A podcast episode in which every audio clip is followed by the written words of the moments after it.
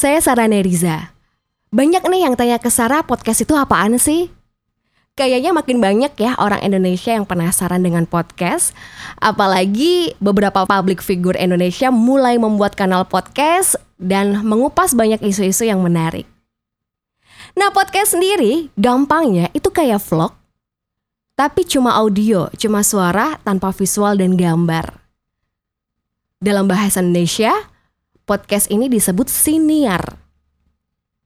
Emangnya masih ada ya yang mau dengerin audio aja? Wah, pertanyaannya betul-betul menggelitik gitu kan?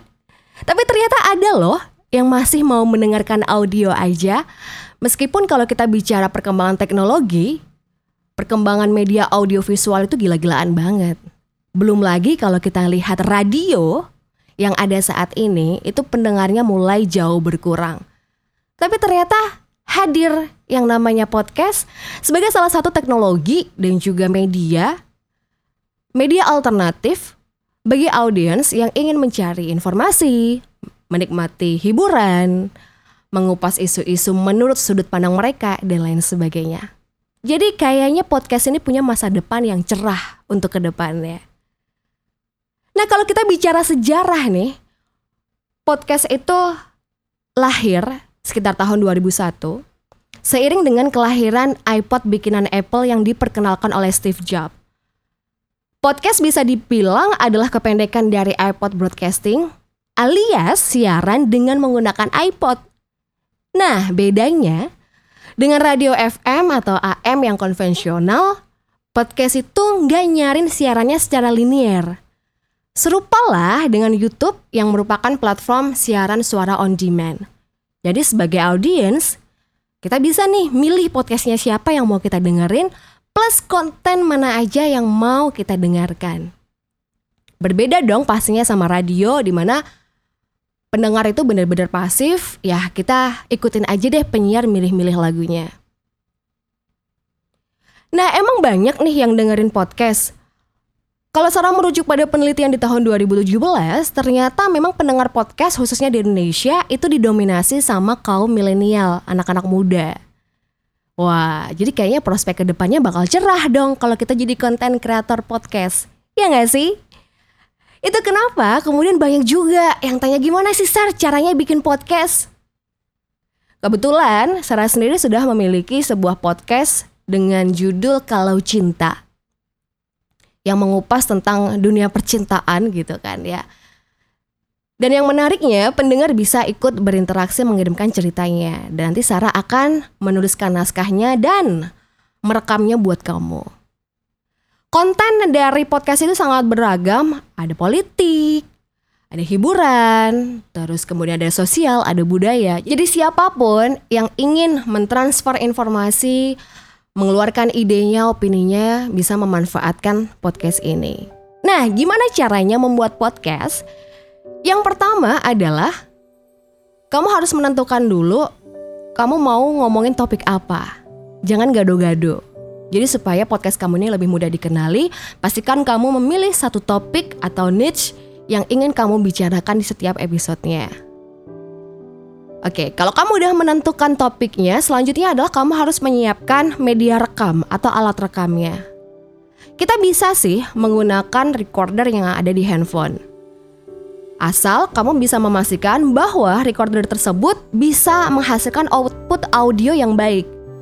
Jadi bedanya dengan YouTube, kadang-kadang kalau kita nonton video dan videonya itu suaranya jelek, kita masih mau loh melihat karena didukung sama visualnya. Tapi kalau podcast, kalau audionya itu nggak enak alias audionya berisik, aduh ngeganggu banget telinga. Bisa jadi orang cuma dengerin bertahan 30 detik habis itu ganti sama podcast yang lain. Jadi make sure ketika kamu membuat yang namanya podcast, kamu pastikan dulu kalau kualitas audionya tuh bagus.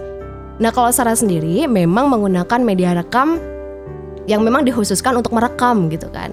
Nyiapin komputer, speaker, kemudian mixer, mikrofon, headphone sehingga proses perekaman ini betul-betul bisa optimal dan menghasilkan audio yang bagus.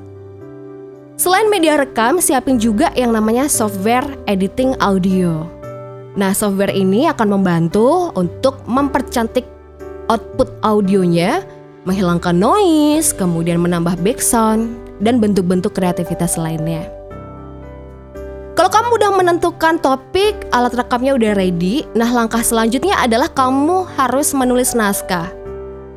Gak harus sih yang scripted banget podcast kamu. Kalau kayak podcastnya Sarah yang kalau cinta itu emang scripted banget, jadi jelas mana introductionnya, mana konfliknya, mana conclusionnya. Tapi kamu bisa juga menulis bagian-bagian penting aja. Setelah itu kamu improvisasi. Ya, jadi tulis naskah terlebih dahulu supaya apa yang kamu sampaikan itu sesuai sama topik utama yang ingin kamu bahas. Selain itu juga untuk membuat durasi podcast kamu ini tetap sesuai gitu. Jadi nggak ngomong ke mana-mana, nggak melebar ke mana-mana dan podcastnya jadi kelamaan. Setelah naskah ready, nah kamu bisa rekaman. Oke, kamu merekam podcast kamu. Selanjutnya, setelah file audionya ready, kamu masukkan ke software editing dan kamu edit sesuai dengan yang kamu inginkan. Kalau sudah selesai edit, nah kamu bisa segera upload audionya, file audionya. Dan sejauh ini Sarah masih menggunakan platform Anchor.fm. Ini adalah salah satu platform podcast yang bagus karena dia bisa langsung mendistribusikan hasil podcast kita ke beberapa platform lain kayak misalnya Google Podcast, terus Spotify dan juga iTunes, Stitcher dan masih banyak lainnya. Jadi enak banget, kita cuma satu kali upload aja di Anchor, habis itu dia langsung mendistribusikan ke beberapa platform yang lain, jadi lebih gampang.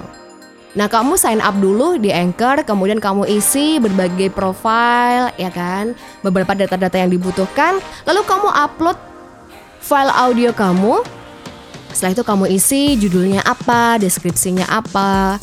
Setelah semuanya terisi dengan baik, kemudian kamu publish. Nah, tugas kita sebagai podcaster, setelah filenya terpublish, kita bisa spread atau kita bisa promosikan yang namanya podcast kita bisa pakai Instagram, bisa pakai Twitter, Facebook, terus WhatsApp Story dan lain sebagainya supaya lebih banyak orang yang mendengarkan podcast kamu. Bagusnya di platform Anchor ini kita bisa nge-tracking kira-kira berapa banyak sih jumlah pendengar, hari apa aja sih yang banyak didengarkan kayak gitu. Jadi kita bisa tahu, kita bisa memantau dan kemudian kita bisa menganalisis kira-kira topik-topik apa aja yang memang disukai sama pendengar podcast kita. Gampang kan? Nah moga-moga aja informasi dari Sarah ini bisa membantu kamu kalau kamu memang pengen jadi konten kreator podcast. Selamat mencoba ya. Sampai ketemu di podcast Sarah selanjutnya. Bye bye.